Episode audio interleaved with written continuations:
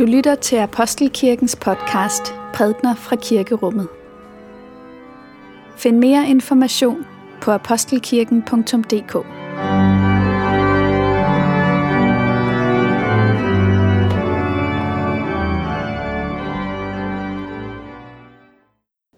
Godmorgen og velmødt til gudstjeneste her i Apostelkirken denne 21. søndag efter Trinitatis. Træk bare indenfor og kom længere op. Temaet for dagens gudstjeneste er mirakler, vi venter på. Vi skal høre to beretninger. Den ene om Naaman, den syriske herfører, der var spedalsk og blev helbredt. Den anden er beretningen om den kongelige embedsmand, hvis søn var syg og blev helbredt. Så to helbredelsesberetninger, der begge har det til fælles, at de foregår på afstand. Men lad os nu først blive stille i vores sind og tanker og lytte til bedeslagene. Jesus Kristus, du er verdens lys. Det går mod vinter og mørke dage, men jo mere det mørkner i vores verden, jo klarere stråler dit lys for os. Lys for os, når vi lider og famler efter en mening, vi ikke selv kan finde. Hjælp os til at se, at du er hos os som den, der helbreder, hellere end sår, tilgiver hellere end straffer. Ja, giv os selv at lyse for andre, så ingen skal sidde alene med sorg og savn, men alle må vide sig inde under Guds kærlighed, der i dig lyser i verden, fra evighed og til evighed. Amen. Denne hellige lektie står skrevet i 2. kongebog. Arameerkongens herrefører Naaman, nød stor respekt og var meget anset hos sin herre, for ved ham havde herren givet Aram sejr. Men manden var spedalsk. En gang havde armæerne på et strejftorv bortført en lille pige fra Israel, og hun var blevet tjenestepige for Naamans hustru. Hun sagde til sin frue, Gid min herre kunne komme til profeten i Samaria. Han skulle nok befri ham fra hans bedalskhed. Naaman gik så til sin herre og fortalte ham, at pigen af Israel fra Israel havde sagt sådan og sådan, og Arams konge sagde, tag sted, jeg sender et brev med til Israels konge. Så tog Naaman afsted, og han tog 10 talenter sølv og 6.000 guldstykker med sig, desuden 10 sæt festklæder. Så kom Naaman med heste og vogn og gjorde holdt uden for døren til Elisas hus. Elisa sendte et bud ud til ham med den besked. Gå hen og bad dig syv gange i Jordan, så bliver din krop rask, og du bliver ren.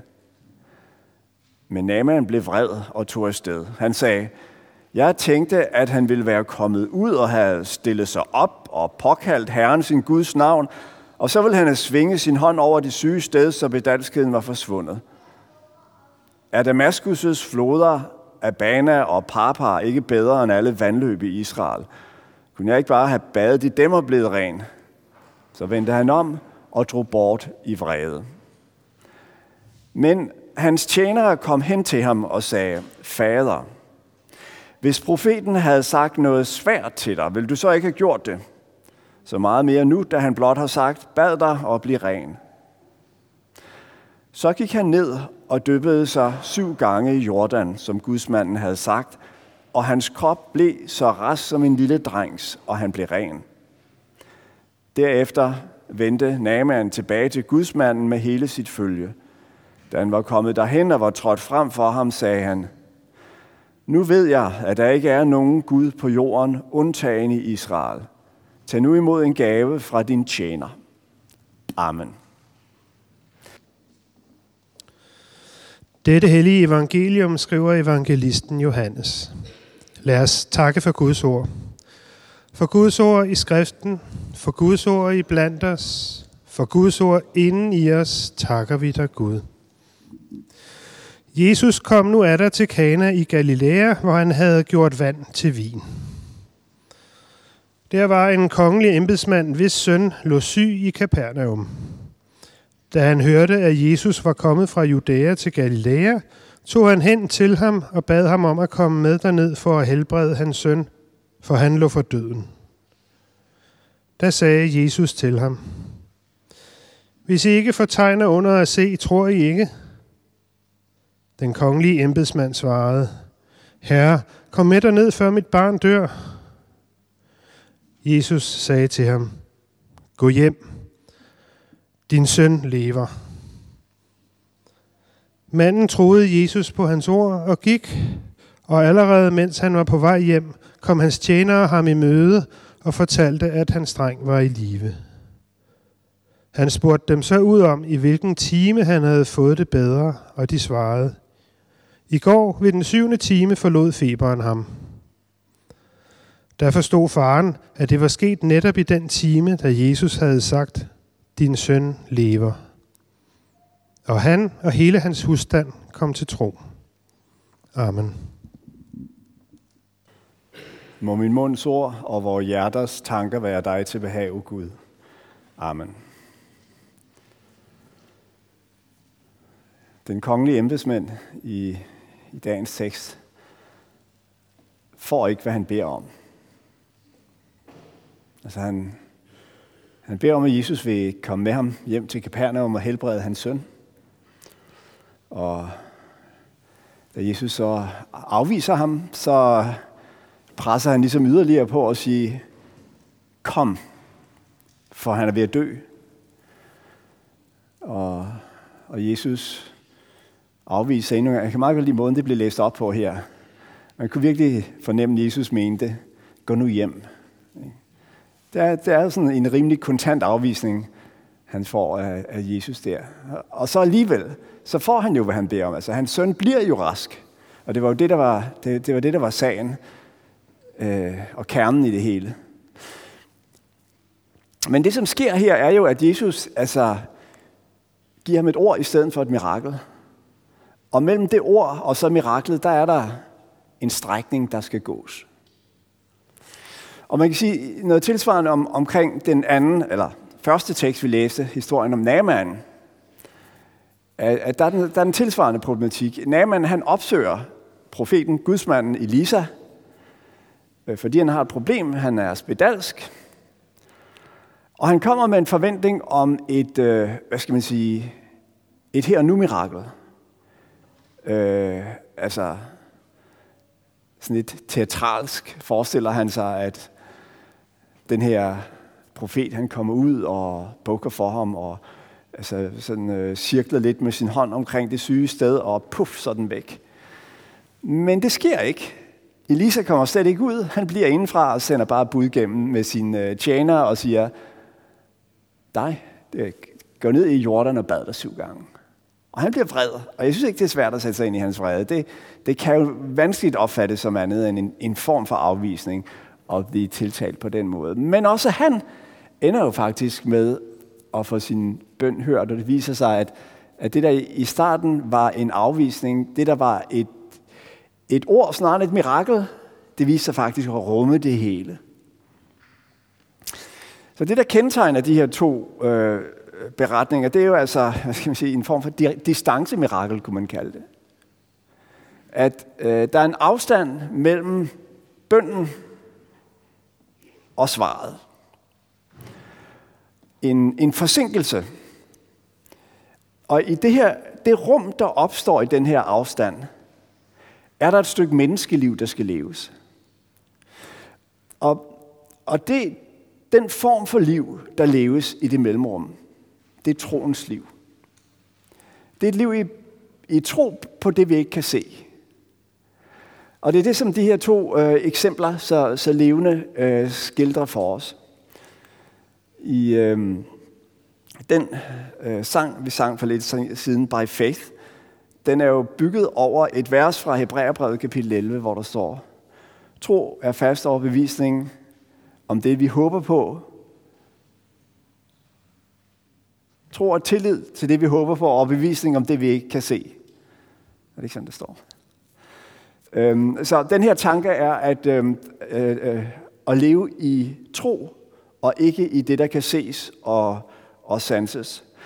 Og hvis man tænker efter, så er der i grunden rigtig mange af underberetningerne fra evangelierne, som har det her element i sig. Den tekst, vi læste, det var den anden af Jesu tegn, som han gør ifølge Johannes evangeliet. Det første tegn, det var øh, øh også i Kana, og det var det med at gøre vand til vin. Og det foregik jo på den måde, at Jesu mor henvender sig til Jesus og siger, der er ikke mere vin. Okay, der i ligger en implicit bøn. Gør noget, Jesus. Og hvad siger Jesus? Han siger, lad mig være kvinde. Min time er ikke kommet. Det kan godt være, at deres timing tilsiger dem, at det er nu, det skal ske, men jeg har min egen tid, og den er altså ikke kommet endnu. Så vær venlig lige og vent. Og så sker miraklet senere. Vi har det igen i, øh, i, i beretningen om helbredelsen af de ti spedalske. I husker Samarit, eller de ti spedalske, der kommer og, øh, og, og beder Jesus om helbredelse, og Jesus han, på afstand siger han til dem, gå ind til præsterne og lad jer syne. Og mens de går derhen, så bliver de helbredt. Så det er igen et, øh, de fik et ord at gå på, men i det, de gik på ordet, så skete der noget. Der skete, der skete faktisk øh, et mirakel.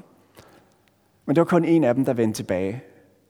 De andre, der i mellemtiden, ja, ja, hvad var der sket? Men vi, der, der står ikke nogen forklaring, men vi må vel antage, at de på en eller anden måde har glemt. Altså, at de har, de er ligesom kommet videre i deres liv. Og det er faktisk et stort tema i Bibelen, både i evangelierne og i det gamle testamente, det man kunne kalde åndelig glemsomhed.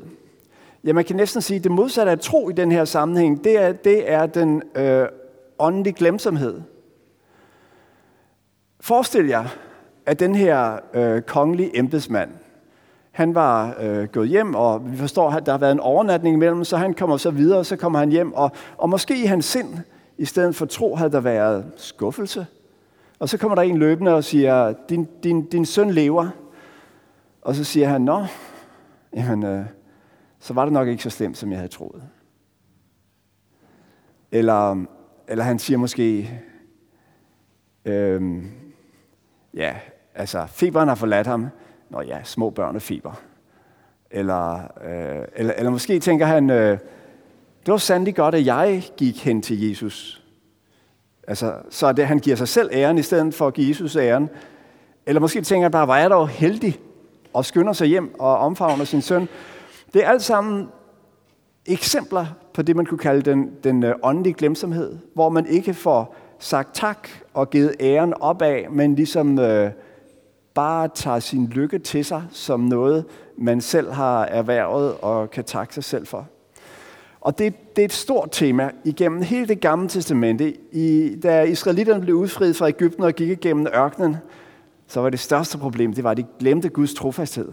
Og hver gang de glemte, så blev de fanget i, i bitterhed og, og vrede, eller en urimelig form for selvtillid, som fik dem til at være overmodige. Der er sådan en gammel øh, jødisk historie om en, øh, en mand, som har øh, booket bord på en meget fin restaurant. Og han kommer kørende ind i bilen i sin, i sin, øh, sin fin bil og, og kan ikke finde en parkeringsplads. Så han cirkler rundt og leder og leder, og Øh, desperationen stiger i ham, og på et tidspunkt bliver den så voldsom, at han begynder at tale med Gud. Så han siger, Gud, hvis jeg finder en parkeringsplads nu, så lover jeg at gå i synagogen på lørdag. Der sker ikke noget. Og indsatsen stiger. Jeg lover, at jeg vil øh, spise kosher resten af året, og der sker stadig ikke noget. Og og desperationen stiger, og tiden går, og så lige pludselig, lige da han er ude for en restaurant, så er der en bil, der bakker ud, og han kan lige så stille køre ind, og han har fundet sin parkeringsplads. Og i det, han kører ind på parkeringspladsen, så siger han, Nå, glem det, jeg klarer den selv. Det er indbegrebet af åndelig glemsomhed. Det, det, og det er i virkeligheden, den historie, den fortæller kernen af det gamle testamentets historiesyn. Gud gør under vores liv. Han giver os ting, som vi ikke selv har skabt. Og vi glemmer at sige, tak, vi tager det til os, som om det er noget, vi selv har produceret. Og vores liv, de bliver indelukket øh, og, og, og, og, og bidre og sure af det. Så det modsatte af tro, det er den her form for åndelig glemsomhed. Men det var ikke det, der skete i tilfældet af den kongelige embedsmand. Der står om ham, at han troede ordet, og så står der, da han kom hjem, så kom han til tro med hele, hele hans hus. Nu talte jeg før om den her afstand mellem bønden og svaret, nøden og miraklet. Og jeg sagde, at det også er en forsinkelse. Men strengt taget er det ikke rigtigt i det her tilfælde. Fordi teksten gør meget ud af at forklare os, at det var, da han, da han så kommer hjem, eller hører om, fra sin tjener om sin søn, så spørger han, hvornår var det? Det var den tredje time. Og det var der, hvor han selv havde talt med Jesus. Og Jesus havde sagt, din søn lever. Ikke sandt? Så, så, så der var altså ingen forsinkelse. Det skete i det øjeblik, Jesus udtalte ordet. Og man kan faktisk sige tværtimod, hvis han havde fået det, som han ville. Hvis Jesus havde sagt, okay, så gør jeg med dig til Capernaum, så havde de haft en vandring på 25 km foran sig. Og havde formodentlig ikke klaret den på en dag, så, og så videre. Ikke? Også, så, så der vil der være tale om forsinkelse. Miraklet bliver ikke, ikke et øjeblik forsinket. Men hans erfaring af det, erkendelsesvejen, den er lang og byrdefuld. Og han var igennem en nat, inden han når dertil, hvor han hører de gode nyheder om, at, øh, at hans søn er helbredt.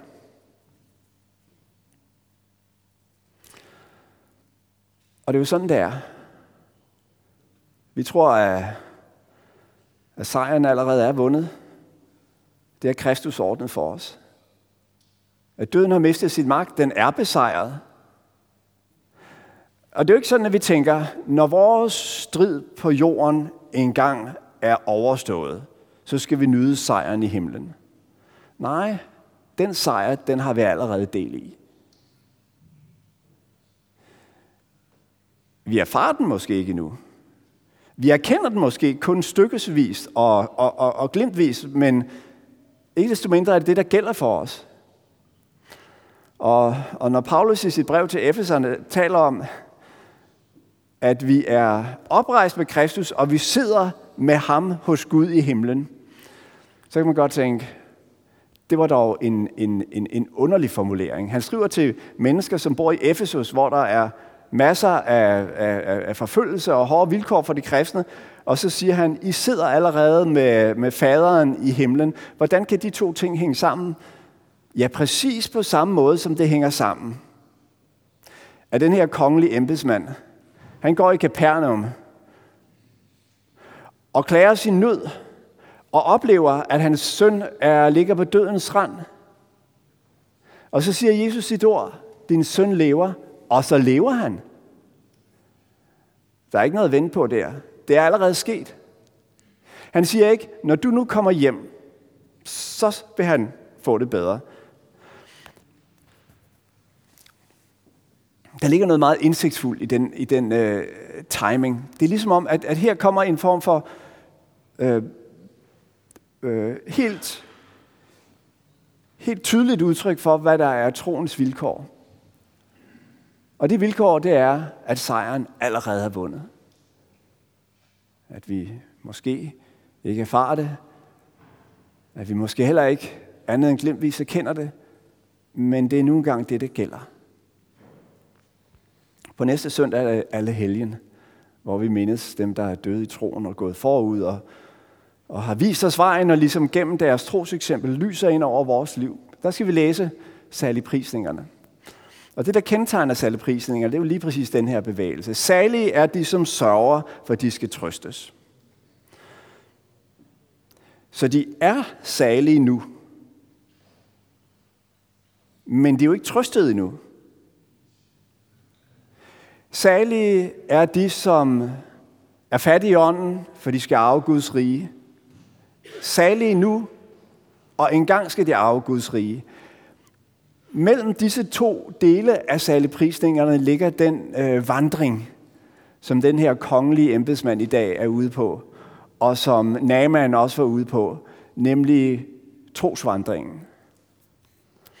Det er den, som Herren inviterer os ind på.